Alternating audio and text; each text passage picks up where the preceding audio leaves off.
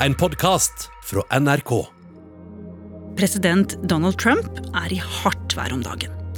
Det er korona, og protestene fortsetter over store deler av USA. Flere steder sliter myndighetene med å få kontroll over massene.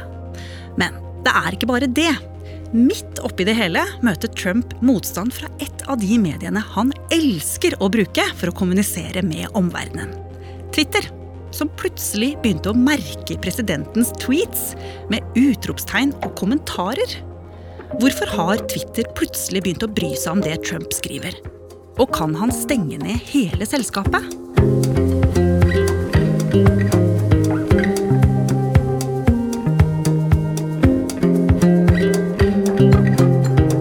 Du hører på Oppdatert. Jeg heter Ragna Nordenborg. Det er ingen hemmelighet at president Donald Trump til nå har vært veldig glad i Twitter. Jeg tror vi trygt kan kalle det hans favoritt-sosiale medie. Ståle Grut jobber som journalist i NRK Beta og har skrevet flere saker om politikk og sosiale medier. Og Tradisjonelt så har han jo brukt Twitter for å angripe folk og politiske motstandere. og sånne ting. Men for to uker siden så kom det en helt ny vending. For da var det plutselig Twitter Donald Trump var rasende på. The president is accusing Twitter of interfering in the 2020 presidential election and of stifling free speech. Altså For å forstå denne historien ordentlig, så må vi skru klokka tilbake ca. to uker. Vi kan kalle det en helt eh, vanlig dag hvor Trump var opptatt av det kommende presidentvalget og hvordan det skal foregå, fordi han er jo naturlig nok ganske interessert i å bli gjenvalgt. Ja, det er han. Og en av de tingene som det har vært en del snakk om, er jo hvordan dette valget skal foregå, kanskje spesielt i lys av koronaviruset. koronaviruset. -hmm. Og California for eksempel, er en av de statene som har sagt at alle stemmeberettigede skal få en stemmeseddel sendt i posten. Og dermed at man skal stemme via post. For å hindre at folk blir smitta av korona på stemmelokalet.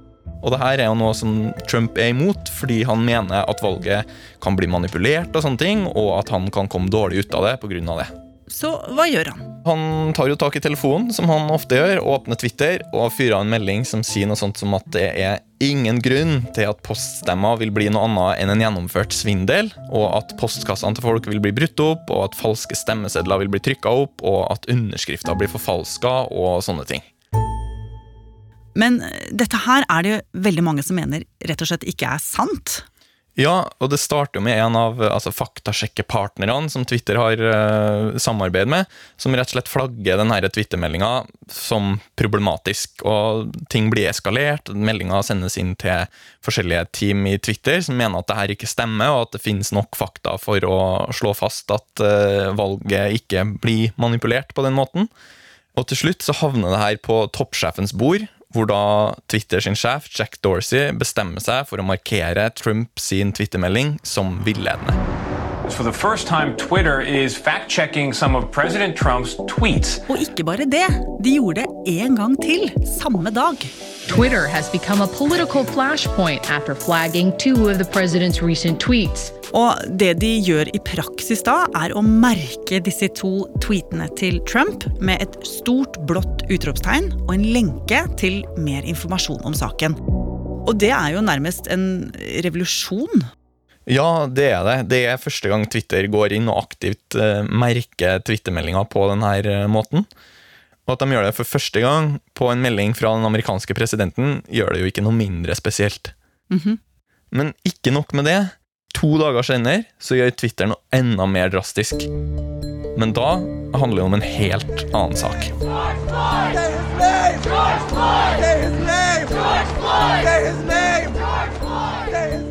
For nå så har det starta demonstrasjoner over hele USA. eh, Og enkelte steder så har det også kommet rapporter om at det her har utvikla seg til plyndring og ildspåsettelse og sånne ting. Og da går Trump ut på Twitter og skriver en tweet nettopp om demonstrasjonene som starta i Minneapolis. Der skriver han at 'when the looting starts, the shooting starts'. Altså at plyndring fører til skyting. Og akkurat den tweeten får jo veldig mye oppmerksomhet. Både fordi folk lurer på om han eh, oppfordrer folk til å skyte mot demonstrantene, men også fordi den har en henvisning til tidligere opptøyer og øh, borgerrettighetskamper på 60-tallet i Florida. Og dette er det mange som reagerer kraftig på, også Twitter. Hva gjør de? De bestemmer seg ikke bare for å merke posten hans, som de har gjort tidligere, men de stenger rett og slett hele muligheten for å svare på tweeten, retweete tweeten, altså dele den med andre, eller å like Twitter-innlegget til USAs president.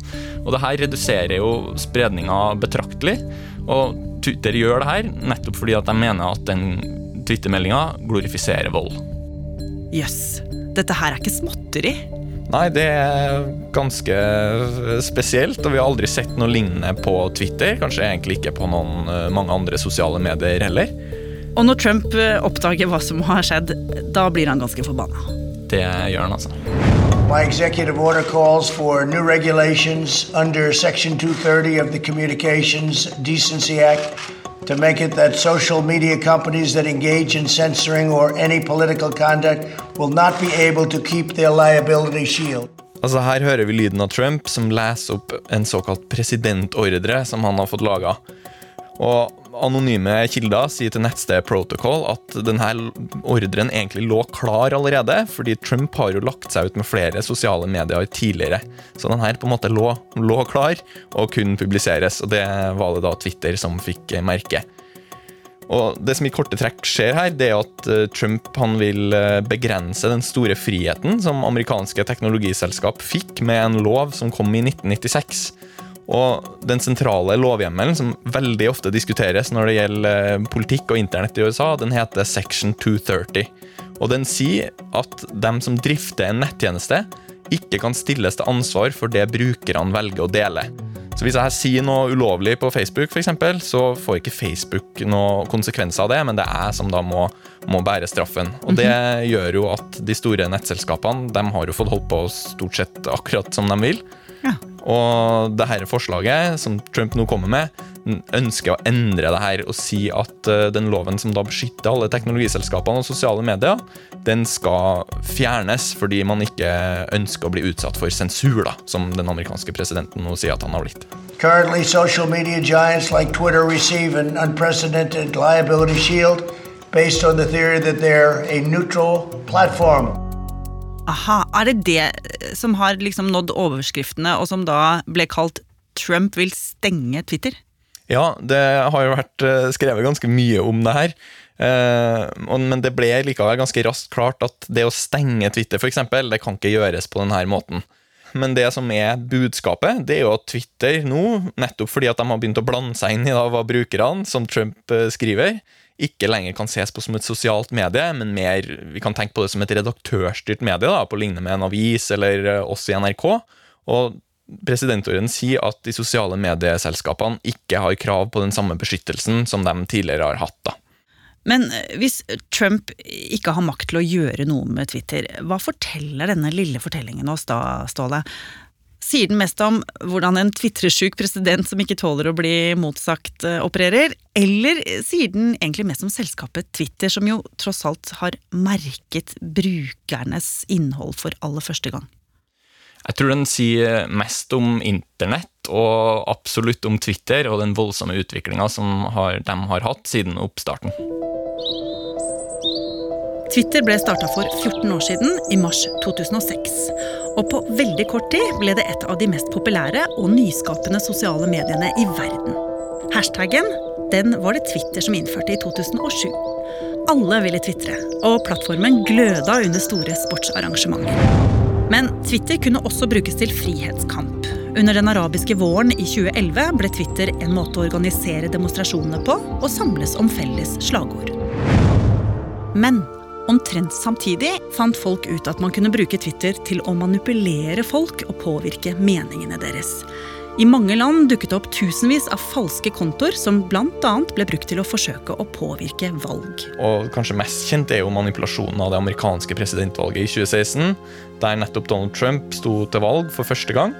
Og det ble avdekka en større russisk påvirkningsoperasjon som bl.a. hadde gjort nytte av Twitter for å spre falske meldinger og innlegg.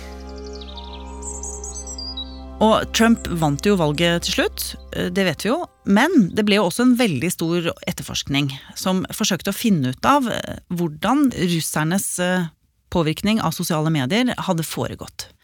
Og den etterforskningen ble ledet av tidligere FBI-sjef Robert Mueller. Many more countries are developing capability to replicate what the Russians had done. Um, in your investigation, did you think that this was a single attempt by the Russians to get involved in our election, or did you find evidence to suggest they'll try to do this again? Oh, it wasn't a single attempt. Uh, they're doing it as we sit here. And they expect to do it uh, uh, uh, during the, the next campaign. Vi hører her at uh, sjefsetterforsker Robert Mueller er ikke i tvil om at det har skjedd manipulasjon av uh, sosiale medier under uh, forrige valgkamp i USA. Og at det skjer igjen og igjen, og at det skjer over hele verden. At folk kopierer også russerne.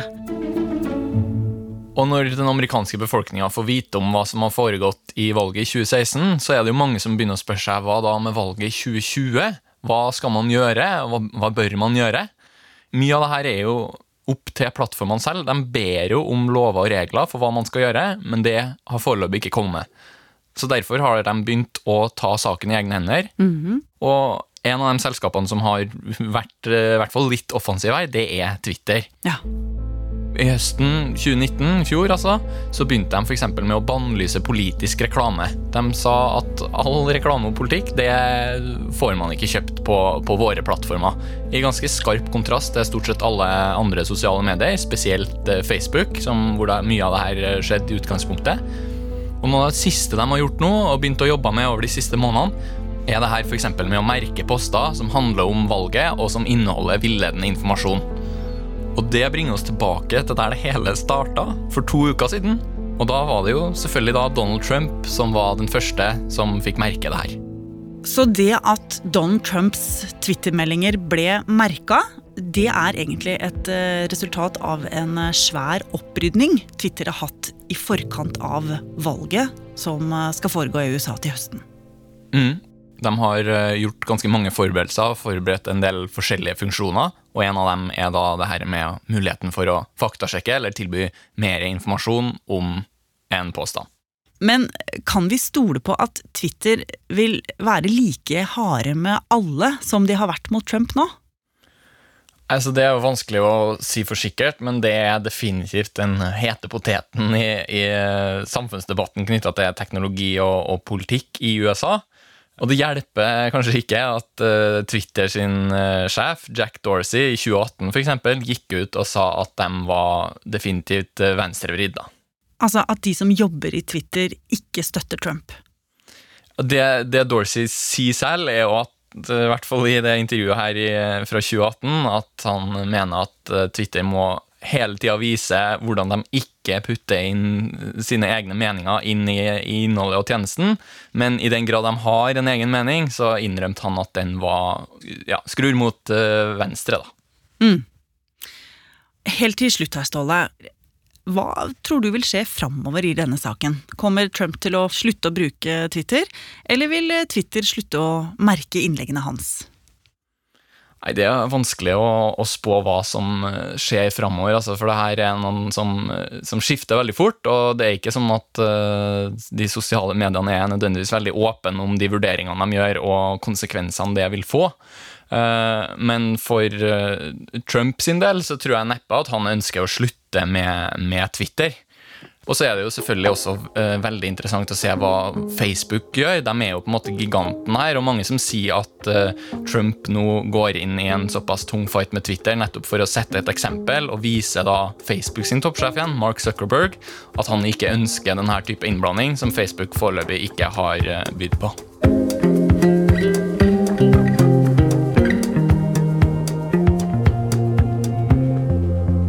Oppdatert er en podkast fra NRK Nyheter. Og hvis du ikke vil gå glipp av neste episode, så kan du abonnere i appen NRK Radio. Bare søk på Oppdatert, så finner du oss. Denne episoden var laget av Petter Sommer og meg, Ragna Nordenborg. Vil du kontakte oss, gjør det på oppdatert krøllalfa nrk.no. Du har hørt en podkast fra NRK. Hør flere podkaster og din favorittkanal i appen NRK Radio.